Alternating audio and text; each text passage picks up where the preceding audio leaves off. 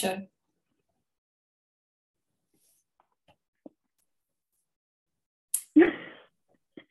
Båda så stela.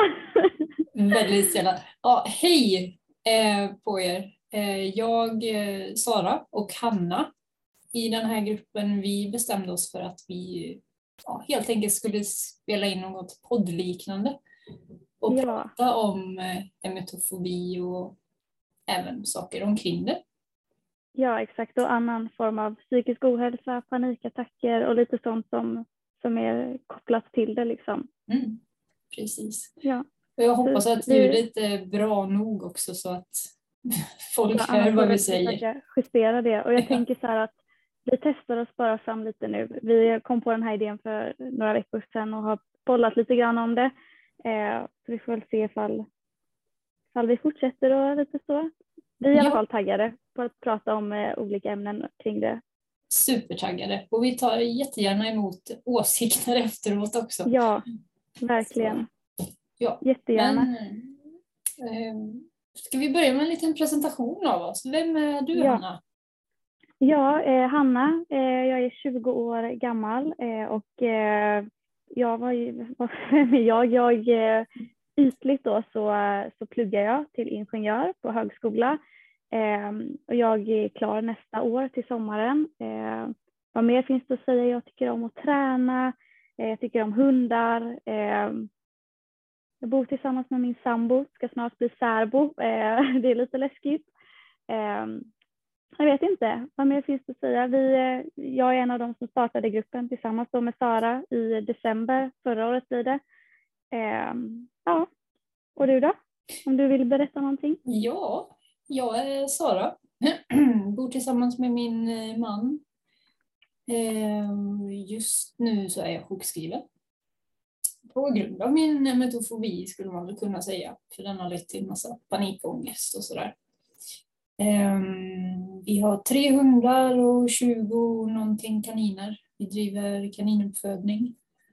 Vad kul. Eh, Ja, så djuren är ju mitt största intresse och de ger så mycket tillbaka. Ehm, Ja, annars så jag tycker om att pyssla, alltså brodera. Jag är en liten tant lite. Vad jag, jag kul. älskar att hålla på med sånt där. Ja. Ehm, ska vi kanske prata lite om eh, vår bakgrund med eh, psykisk ohälsa också för att ge folk lite perspektiv. Vill du börja eller ska jag? Jag kan köra. Jag har väl alltid varit en sån här känslig människa, om vad man ska säga. Ända alltså i låg ålder så har jag varit orolig och haft ångest. Och hela min tonår, det- jag var utsatt för vissa grejer som inte var så bra. Vilket har följt med genom hela livet också. Och jag hoppade av gymnasiet, började jobba, det funkade ett tag.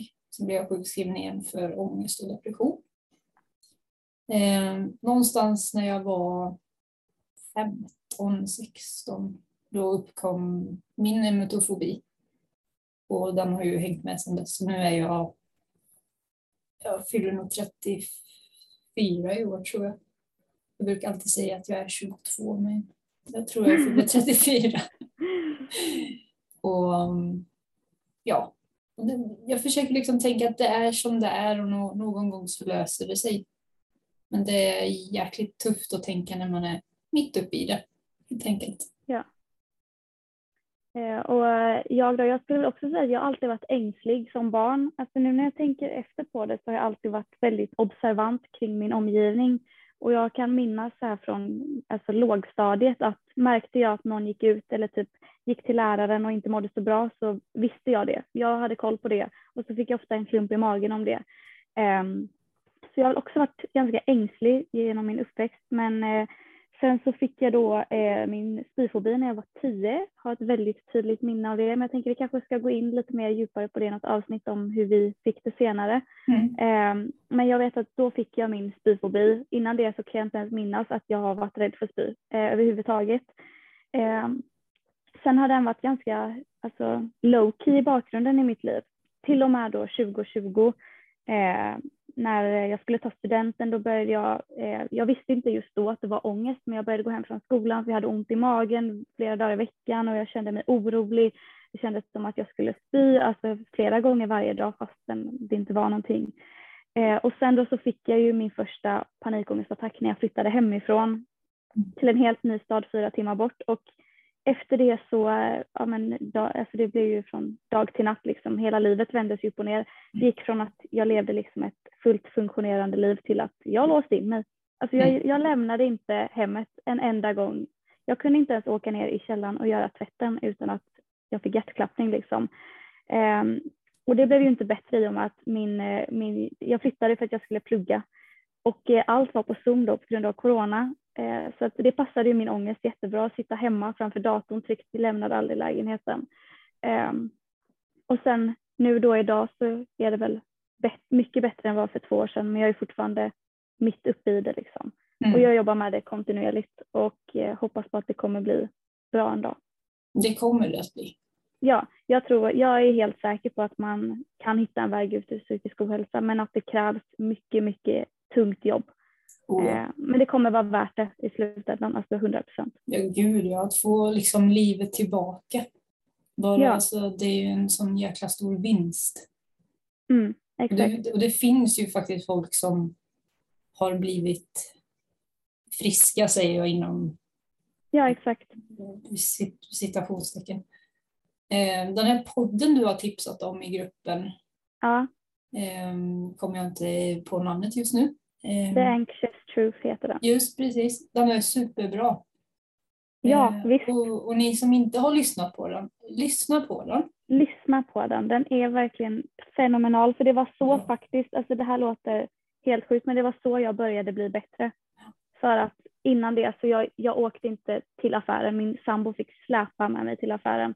Mm. Eh, jag, gick, jag lämnade liksom inte huset. När jag skulle gå ut och till exempel gå fem minuter runt huset så var jag tvungen att, då trodde jag att lösningen var att distrahera mig själv för att inte få panik. Så jag gick och, gick och rabblade upp alfabetet och jag räknade och jag höll på. Eh, tills att jag hittade, alltså på den punkten var jag så här, jag gör vad som helst för att bli frisk, för jag, jag kan inte leva så här. Eh, så då så hittade jag den podden av en slump i en annan Facebookgrupp faktiskt. Eh, och jag bara okej, okay, men jag tror inte att det här kommer funka, men jag behöver lyssna då. Och jag blev helt fast. Och det var verkligen det som hjälpte mig. Och han som har den då som heter Drew, han, är ju, han har ju haft depression, eh, social fobi, panikångest, alltså han har haft allt. Och idag så är han ju alltså frisk eller vad man nu ska säga. Mm, mm. Så det finns ju folk som, som gör det, som lyckas. Ja. Och det var väl lite därför vi startade gruppen också eh, eh, i december då för att vi ville lyfta fram, alltså det blir ofta att man fastnar i, i fallgropar och återvändsgränder men vi vill liksom hitta ett sätt att jobba framåt och tillsammans pusha varandra för jag har inte sett det på svenska sidor innan. Nej.